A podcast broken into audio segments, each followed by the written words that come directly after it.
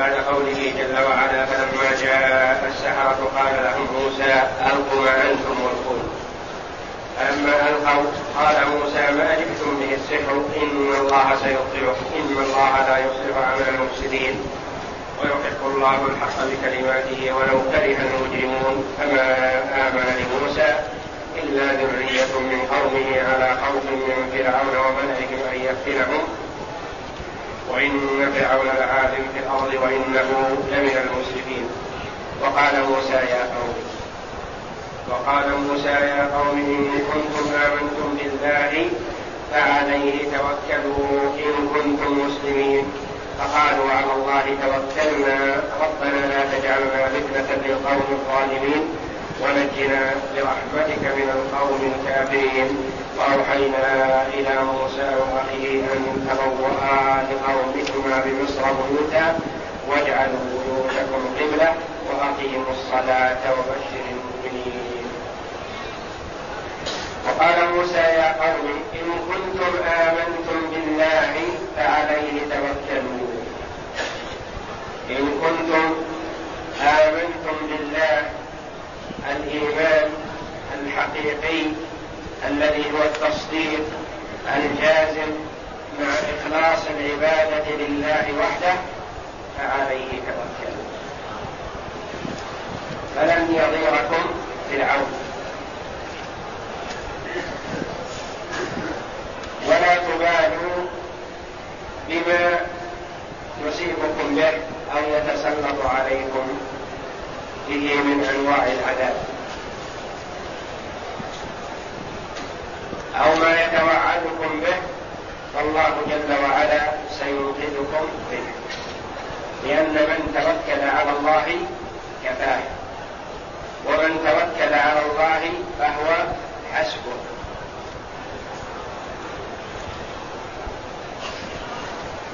فإذا اعتمد العبد على الله جل وعلا كفاه الله جل وعلا كيد الكائدين وشر الظالمين. فموسى عليه الصلاة والسلام أوصى قومه بأنهم إن كانوا مؤمنين حقيقة؟ إن كانوا مصدقين تصديقا جازم مخلصين العبادة لله وحده فعليهم أن يتوكلوا على الله وأن يعتمدوا عليه بأنه سيكفيهم شر فرعون وملائه فعليه توكلوا إن كنتم مسلمين. إن كنتم مستسلمين لله حقيقة. ومسلمين كما تقدم لنا قريبا أن الله جل وعلا أخبرنا أن جميع الأنبياء دينهم الإسلام. وهذا موسى عليه الصلاة والسلام يقول لقومه إن كنتم مسلمين. والإسلام ما هو؟ هو الاستسلام لله بالتوحيد والانقياد له بالطاعة. والخلوص من الشرك. كما فسر ذلك الإمام الشيخ محمد بن عبد الوهاب رحمه الله. الإسلام هو الاستسلام لله بالتوحيد. والاستسلام هو الانقياد لله بالتوحيد يعني بإفراده جل وعلا بالعبادة والبراءة من كل معبود سوى الله. الإسلام هو الاستسلام لله بالتوحيد والانقياد له بالطاعة. لأن المعرفة وحدها بدون طاعة لا تنفع. المعرفة وحدها بدون طاعة لا تنفع. فإبليس يعرف أن الله خالقه وربه. أن يجهل هذا؟ لكنه هل أطاع أو عصى؟ عصى. فكما قال بعض السلف المعرفة وحدها لا تنفع إلا بالانقياد والطاعة. استسلام لله بالتوحيد والانقياد له بالطاعة. قد يضيع بعض الناس. يمتثل الأوامر لكنه لا يتبرأ من الشرك وأهله. فيطيع الله جل وعلا ويطيع الرسول صلى الله عليه وسلم ويعبد الله ويعبد ويطيع الرسول ويتابع الرسول عليه الصلاة والسلام لكنه يشرك مع الله غيره فهذا ما حرص من الشرك وأهله فلا بد في تحقيق الإسلام الاستسلام لله بالتوحيد والانقياد له بالطاعة والخلوص من الشرك وأهله إذا لم يخلص من الشرك فلم يكن مسلما فموسى عليه الصلاة والسلام يقول لقومه يأمرهم بأن يعتمدوا على الله جل وعلا إن كانوا مؤمنين إيمانا خالصا سائغا لا تشوفه شائبة وقد يكون المرء مؤمن لكن يعتمد أحيانا على غير الله فهل ينتفي منه اسم الإيمان؟ لا. لكن هل يكون مؤمن كامل؟ لا. فإذا اعتمد على الله جل وعلا وحده فهو المؤمن الإيمان الكامل المستسلم لله جل وعلا اسلاما حقيقيا لا تشوبه شائبه فقالوا أجابوا موسى عليه الصلاه والسلام بوصيته لهم فقالوا على الله توكلنا. وتقديم الجار والمجرور في قولهم على الله ماذا يفيد الحصر. يفيد الحصر.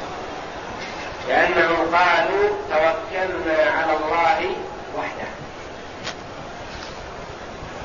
فقالوا على الله توكلنا. استجابة لأمر موسى عليه الصلاة والسلام وأكدوا استجابتهم بحصر اعتمادهم على الله أو بقصر اعتمادهم على الله. فقالوا على الله توكلنا. وسالوا الله جل وعلا السلامة. للدين أولا ثم للبدن ثانيا. فدلالة على صدقهم أنهم قصروا اعتمادهم على الله.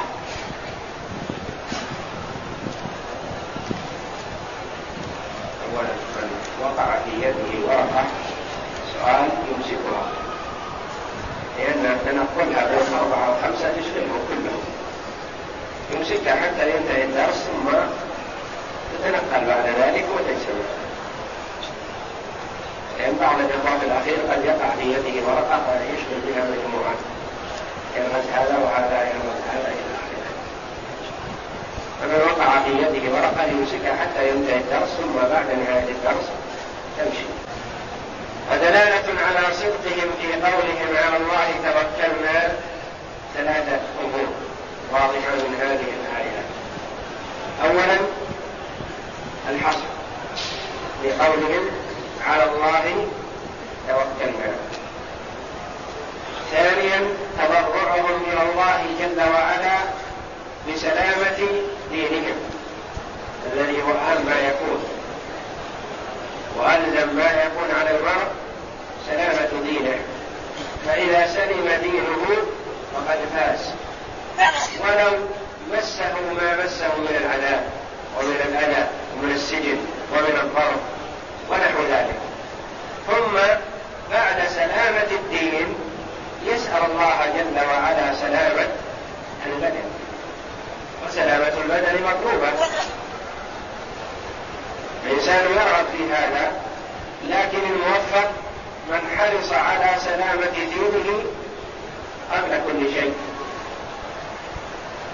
فإذا تعارض عنده سلامة الدين أو سلامة البدن ولا يجتمعان فيقدم سلامة الدين ويصبر على الابتلاء والعذاب كما صبر الأئمة رحمهم الله.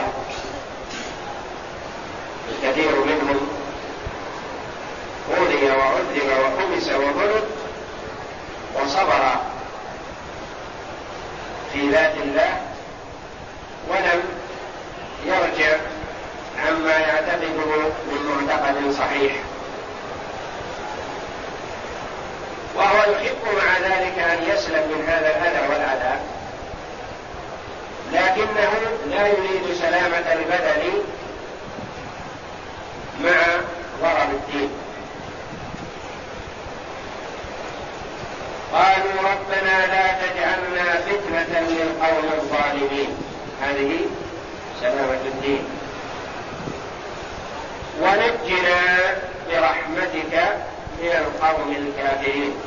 الإنسان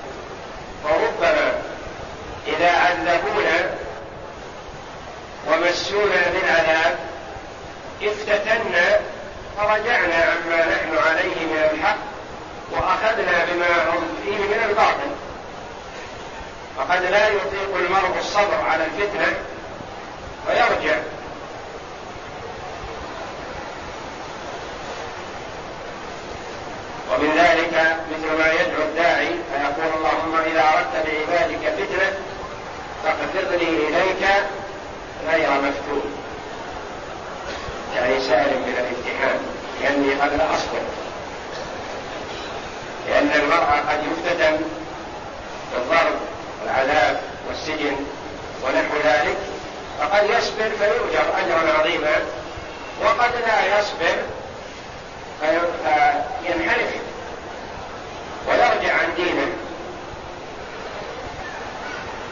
فهم يدعون الله بأن لا يفتنهم بهؤلاء لأن تسلط هؤلاء عليهم قد يفتنهم ويصرفهم عن دينهم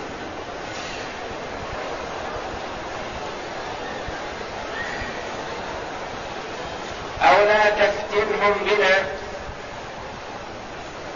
يتسلط علينا وهم أقوى منا فيعذبوننا فيقولون في أنفسهم لو لم نكن نحن على الحق وهم على الباطل لما سلطنا عليهم فيفتتنون بذلك. المعذبون يفتتنون. أو غيرهم يفتتن بذلك بأن يقول الغير لو لم يكن هؤلاء الفراعنة على حق وبنو إسرائيل على باطل لما سلط الفراعنة على بني إسرائيل فيفتتن الغير بذلك. ربنا لا تجعلنا فتنة للقوم الظالمين لا تفتنا بعذابهم أو لا تجعل عذابهم إيانا فتنة لهم أو فتنة لغيرهم. ربنا لا تجعلنا فتنة للقوم الظالمين والمراد بهم الفراعنة أو فرعون فرعون.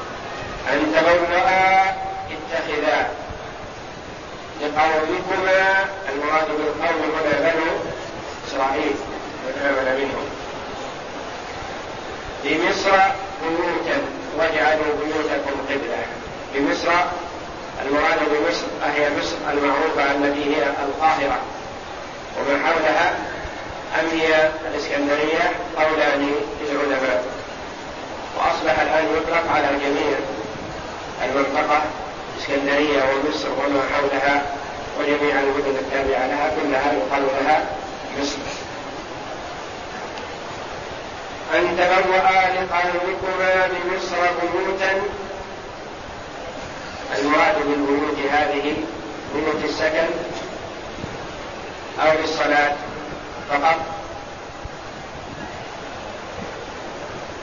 واجعلوا بيوتكم قبلة. اجعلوا بيوتكم قبلة. أي يصلى فيها. أو قبلة متجهة للقبلة.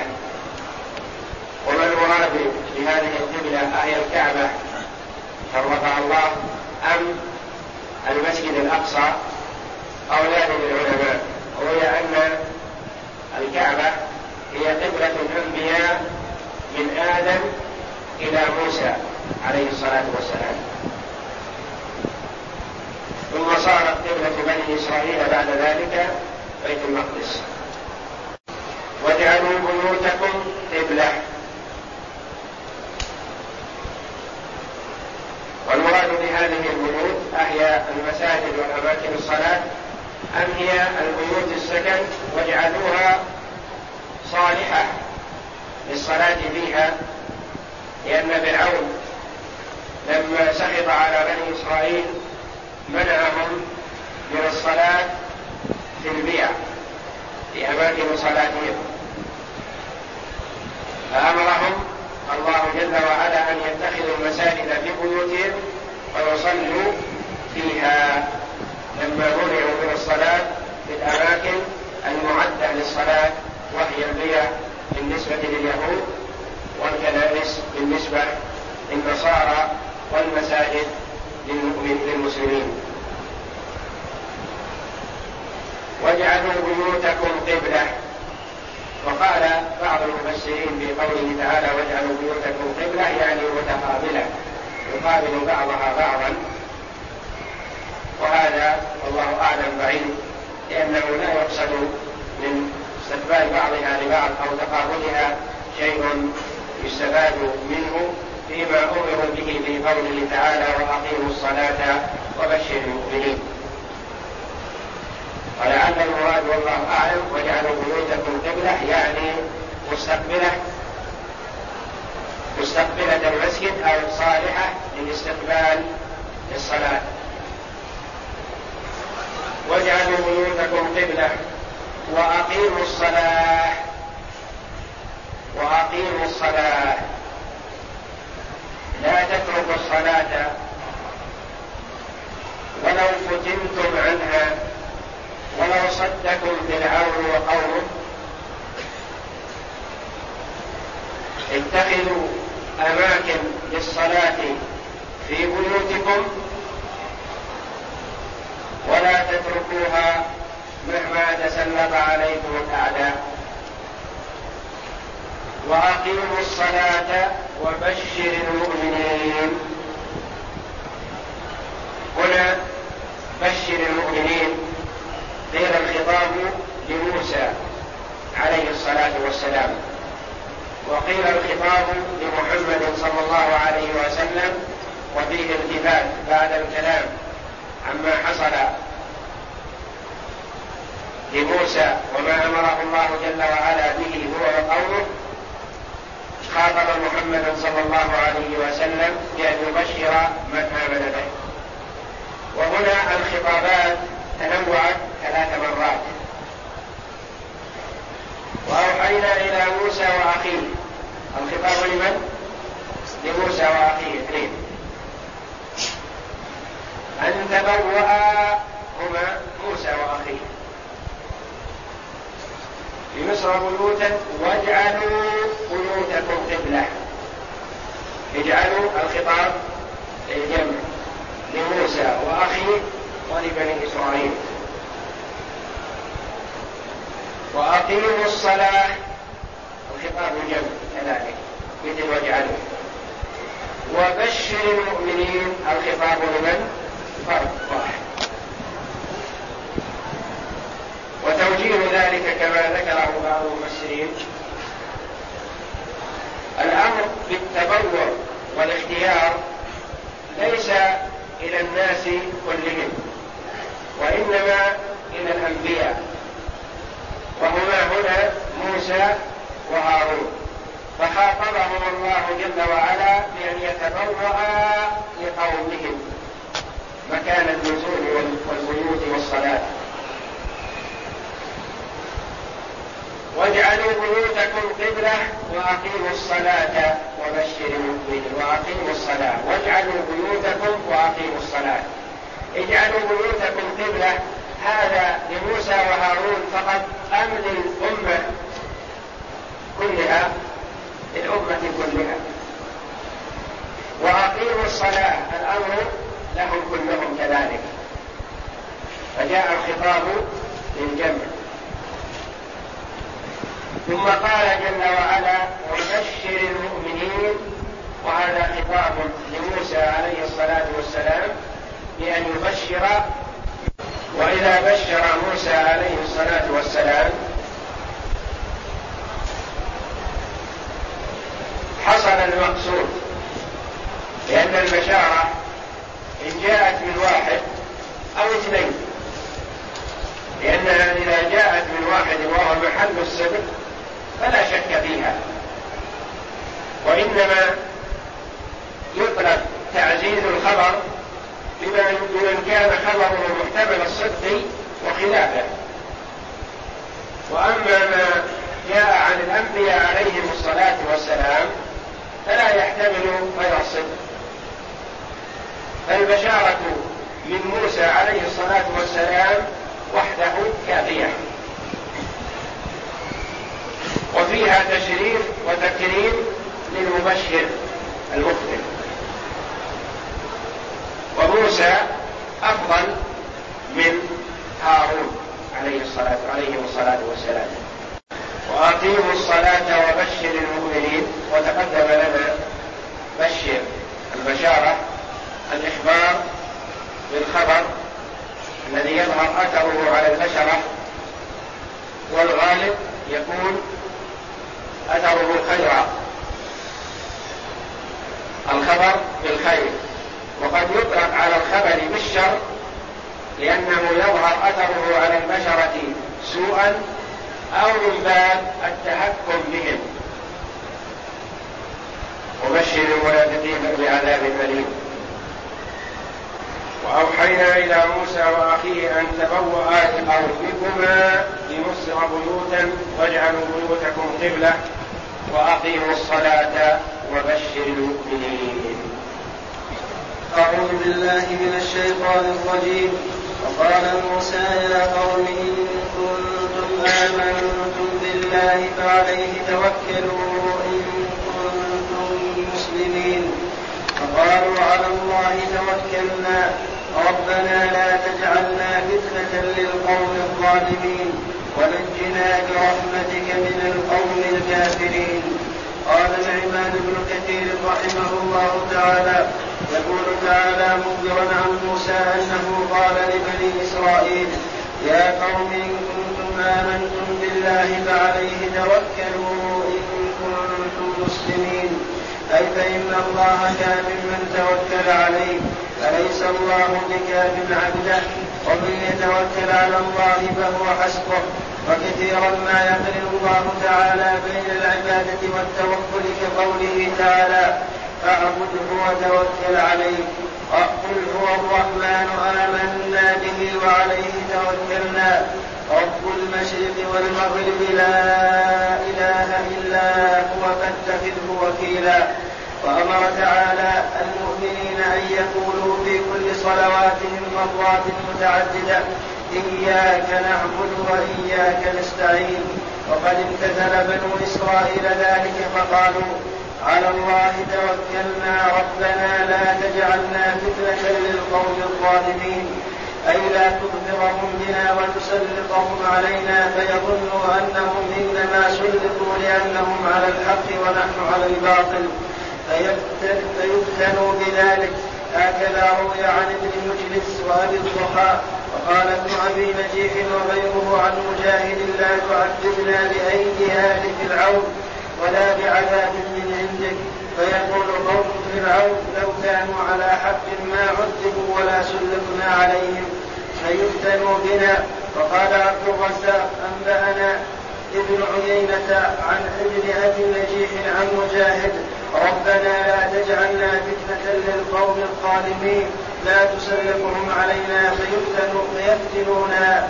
يفتنونا يعني تكون الفتنة لنا وفي الأولى تكون الفتنة بهم هم يفتتنون أو يفتتن بذلك غيرهم ونجنا برحمتك أي خلصنا برحمة منك وإحسان من القوم الكافرين أي الذين كفروا الحق وستروا ونحن قد آمنا بك وتوكلنا عليك.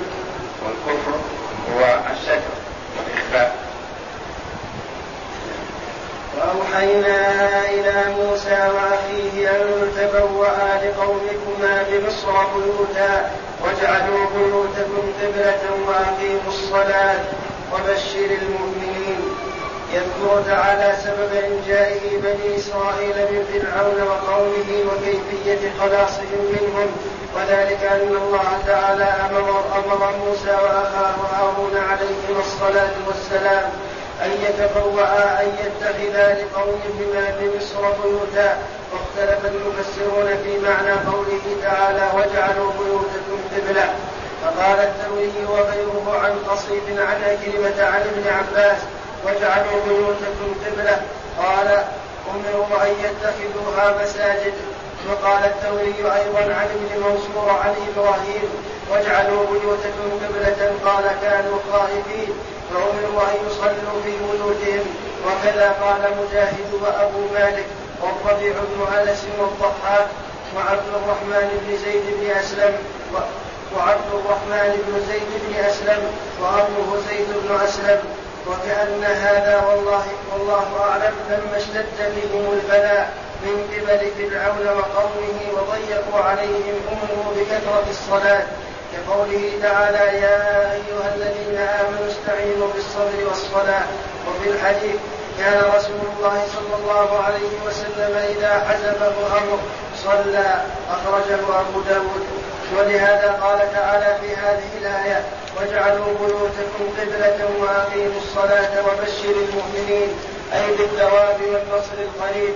وقال العوفي عن ابن عباس في تفسير هذه الآية قال قالت بنو إسرائيل لموسى لا نستطيع أن نظهر صلاتنا مع الفراعنة فأذن الله تعالى لهم أن يصلوا في بيوتهم وأمروا أن يجعلوا بيوتهم قبل القبلة وقال مجاهد واجعلوا بيوتكم قبلة لما خاف بنو إسرائيل من فرعون أن يقتلوا في الكنائس الجامعة أمروا أن يجعلوا بيوتهم مساجد مستقبلة الكعبة يصلون فيها سرا. وكذا قال قتادة والضحاك وقال سعيد بن جبير واجعلوا بيوتكم قبلة أن يقابل بعضها بعضا. وقوله جل وعلا وقال موسى ربنا إنك آتيت فرعون وملأه زينة وأموالا في الحياة الدنيا. ربنا ليضلوا عن سبيلك ربنا اطمس على أموالهم واشدد على قلوبهم فلا يؤمنوا حتى يروا العذاب الأليم. قال قد أجيبت دعوتكما فاستقيما ولا تتبعان سبيل الذين لا يعلمون. وقال موسى ربنا إنك آتيت فرعون وملأه زينة وأموالا في الحياة الدنيا. ربنا ليضلوا عن سبيلك.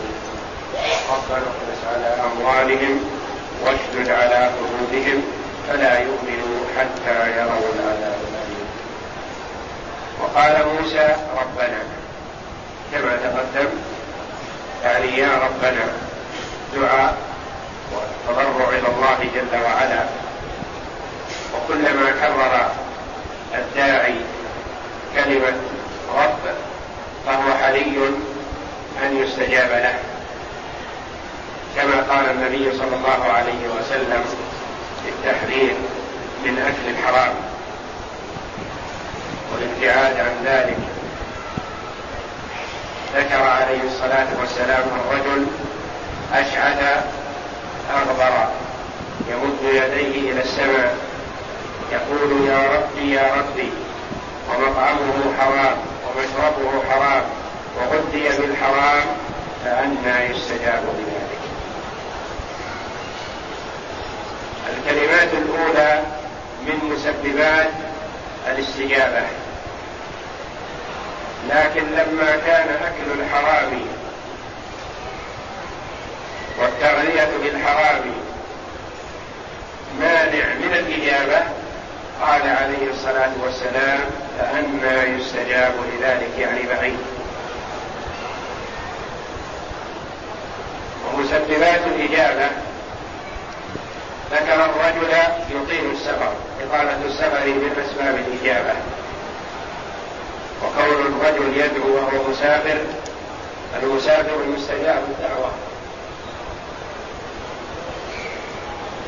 أشعث أغبر الشعثة والغبرة مع التقوى من أسباب الإجابة. غبر أشعث أغبر مدفوع بالأبواب لو أقسم على الله لأضره وقول الإنسان منهمك في عبادة الله جل وعلا مقبل على ذلك ولا يهتم بمظهره ولا يهتم بما يظهر به أمام الناس. هذا من أسباب إجابته لأنه متعلق بالله جل وعلا تعلقا كاملا. يقول يا ربي يا ربي يعني يكرر الندى الربوبيه فهو حري أن يستجاب له بالتكريم لأن من ألح على الله استجاب الله له. لكن لما كان المأكل والمشرب والمطعم والتغذية بالحرام بعد أن يستجاب له. وقال موسى يا ربي إنك آتيت بمعنى أعطيت فرعون وملأه قومه وأعوانه ورؤساء القوم الملأ هم كبار القوم. كما قال النبي صلى الله عليه وسلم أولئك الملك لما قال الصحابي رضي الله عنه يذكر ما وقع بينهم وبين كفار قريش في موقعة بدر. قال ما هو إلا أن لقينا عجائز فقتلنا وأسرنا أو كما قال. فرد عليه النبي صلى الله عليه وسلم. قال أولئك الملأ رجال لكن الكفر أذلهم وأصغرهم وجعلهم حقيرين. وخذلهم الله جل وعلا. وإلا كانوا لما كان الناس سواسية في الكفر أولئك رجال يعتبرون من كبرائهم وخيارهم وخيارهم. أولئك الملأ إنك آتيت فرعون وملأه زينة وأموالا في الحياة الدنيا. الزينة ما يتزين به ويظهر به أمام الناس. والمال قد يظهر وقد يخفى ولا يظهر. قد يكون الرجل لا مال كثير لكن يرى كأنه فقير. والزينة هي ما يتزين به من ملمس ومركب ونحو ذلك مما يظهر ويرى. زينة وأموالا في الحياة الدنيا. موسى عليه الصلاة والسلام قال هذا التفضيل وهذه الزينة وهذه الأموال أعطيتهم الله أعطيتهم إياها يا ربنا في الحياة الدنيا. وإلا فمن المعلوم أنهم ليس لهم في الآخرة إلا العذاب. زينة وأموالا في الحياة الدنيا. ربنا تكرير للدعاء. يا ربنا. ليضلوا عن سبيلك وقراءة أخرى ليضلوا عن سبيلك. ليضلوا بأنفسهم. هنا في فتح القدير بفتح الياء. ليضلوا. وفي تفسير ابن كثير ليضلوا بضم الياء وهي قراءتان مشهورة سبعيتان ليضلوا في أنفسهم. أو ليضلوا غيرهم. ليصرفوا غيرهم. عن سبيلك طاعتك. وقال عنها هذه اللام الخليل. وسيبويه إنها لام العاقبة والصيرورة يعني أعقب ما أعطيتهم من العطاء الغرور والاغترار والتكبر والتعاظم على الخلق فصار هذه فصارت هذه النتيجة وهي الإضلال. إنها لام العاقبة والصيرورة والمعنى لما كان عاقبة أمرهم الضلال صار كأنه سبحانه أعطاهم ليسيروا هكذا ليضلوا وغالبا ما تكون النعمة من نعم الدنيا كثيرا ما تكون سببا لضلال العبد. إذا لم يشكر هذه النعمة ويؤدي حقها. ولذا تجد الضلال والانحراف عن الصواب في الأثرياء والأغنياء أكثر منه في الفقراء. وفي الأثرياء والعقلاء صلاح وأتقياء وفي الفقراء منحرفون عن الصراط المستقيم. لكن الغالبية أن النعمة تكون أحيانا سببا لضلال العبد والعياذ بالله. فيغتر بهذه النعمة ويتكبر على عباد الله ويتكبر عن طاعة الله. ولهذا الكثير من أتباع الأنبياء عليهم الصلاة والسلام الفقراء ويتبعهم أغنياء. والكثير من المنحرفين والرادين لدعوة الأنبياء هم العظماء والكبراء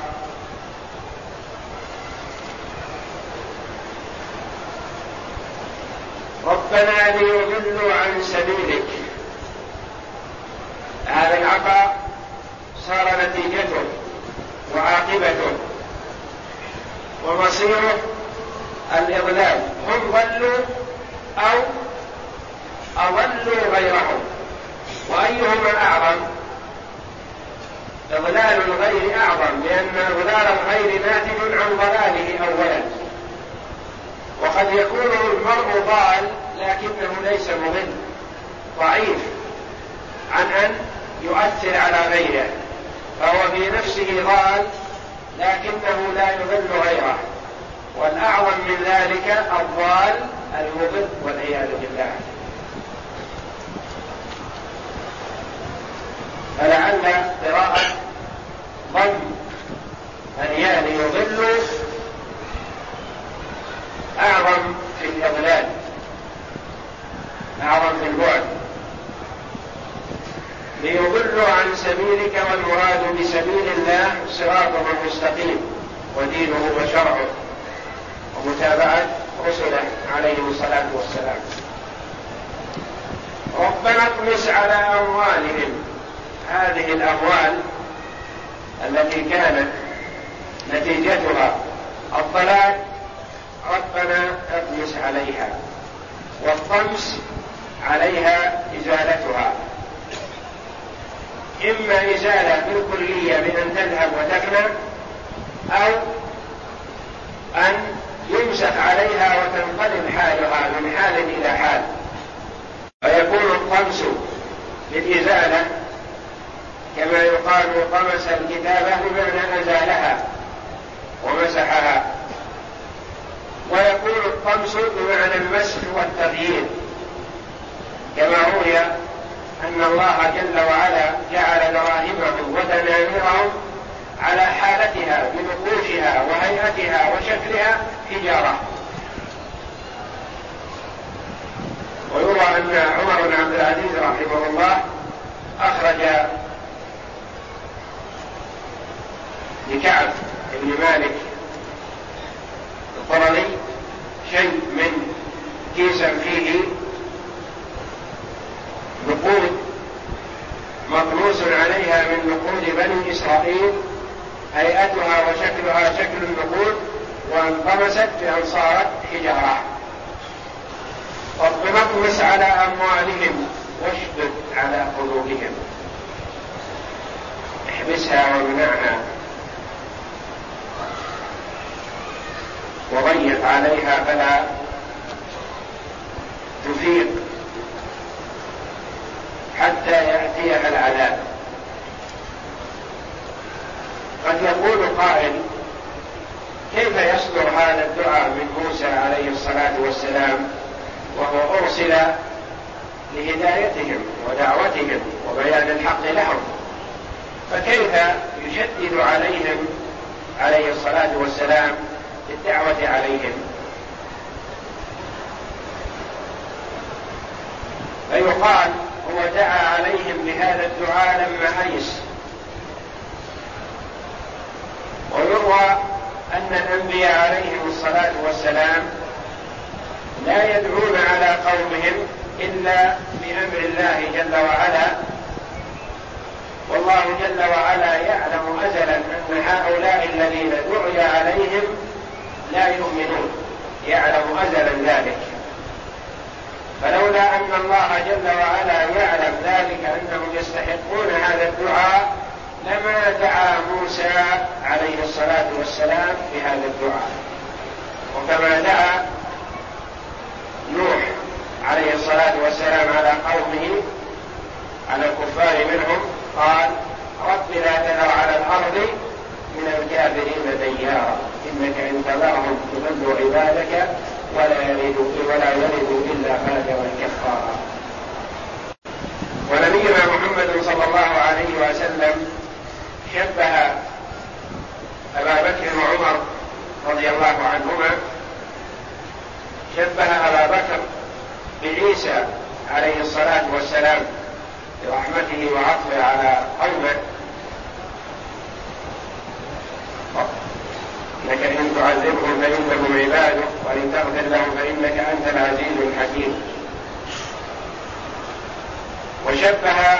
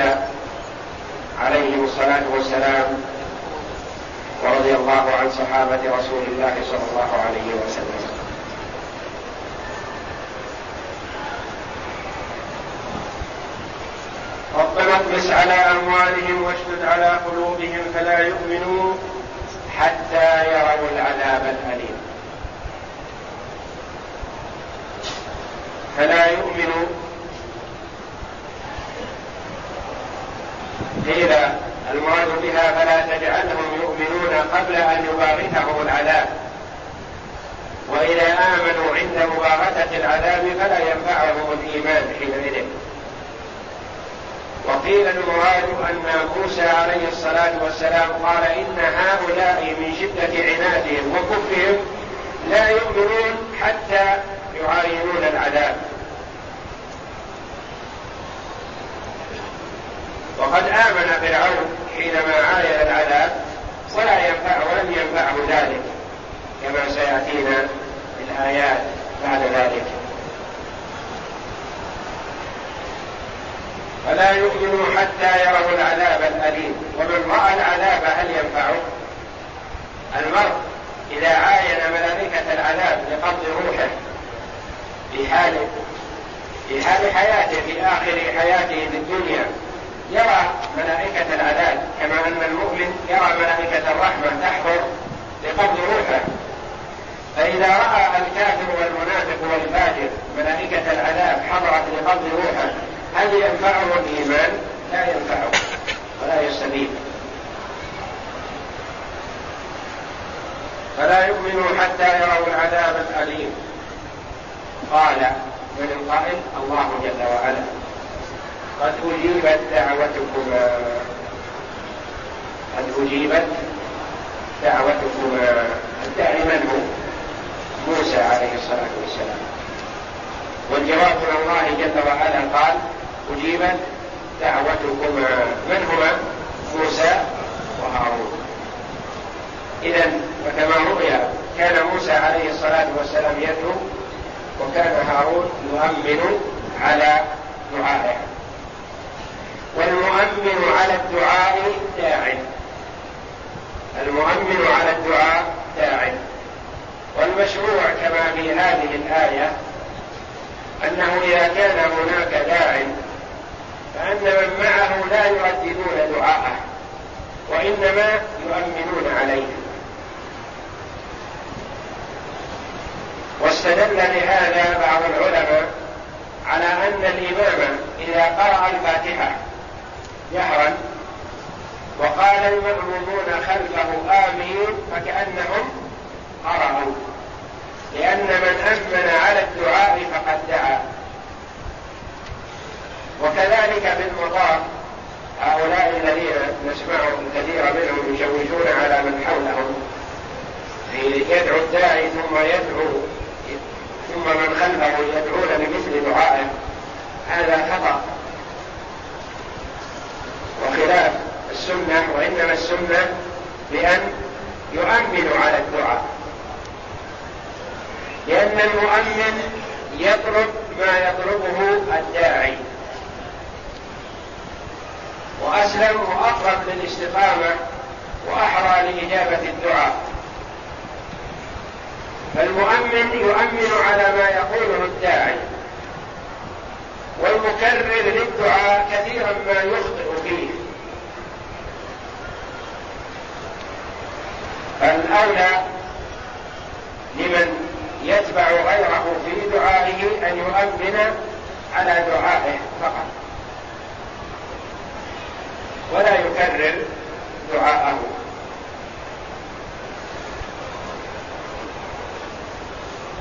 قد أجيبت دعوتكما فاستقيما. استقيما الاستقامة الاستمرار على الحق.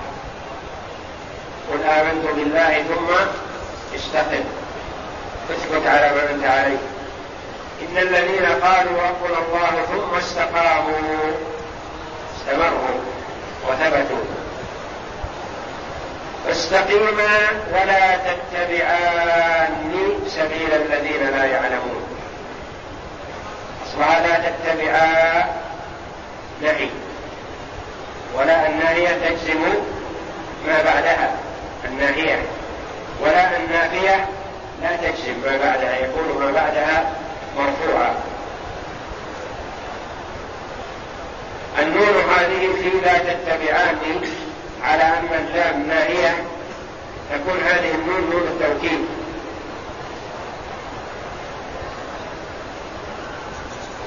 والأصل في نون التوكيد الغالب أن تكون مفتوحة بالفتحة. وهنا كسرت قالوا تشبيها لها بنون المثنى لأنها كأنها جاءت على لفظها النون الموجودة نون التوكيد واللام هذه ناهية. ويصح أن تكون هذه اللام نافية والنون هذه نون التثنية نون المثنى. ويصح فيها ورد فيها التخفيف والتشديد. ولا تتبعاني أو ولا تتبعان سبيل الذين لا يعلمون. ولا تتبعان سبيل الذين لا يعلمون. في تفسيرين على القراءتين. في فتح القدير كتبها ولا تتبعان بالتخفيف وفي تفسير كثير ولا تتبعان لأنها حفص عن عاصم ولا تتبعان سبيل الذين لا يعلمون.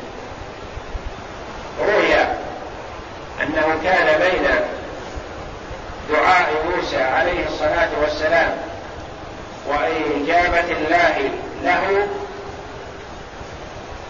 أربعون سنة. فالله جل وعلا أخبرهم بأنه استجاب لهم ولم يتعجل جل وعلا في الإجابة. بل تأخرت الإجابة الفعلية عن الإجابة القولية فيما يروى أربعين سنة وقيل أربعين يوما والله أعلم. والمهم أن نعلم من ذلك أن الله جل وعلا قد يستجيب لعبده في دعائه ويؤخر الإجابة.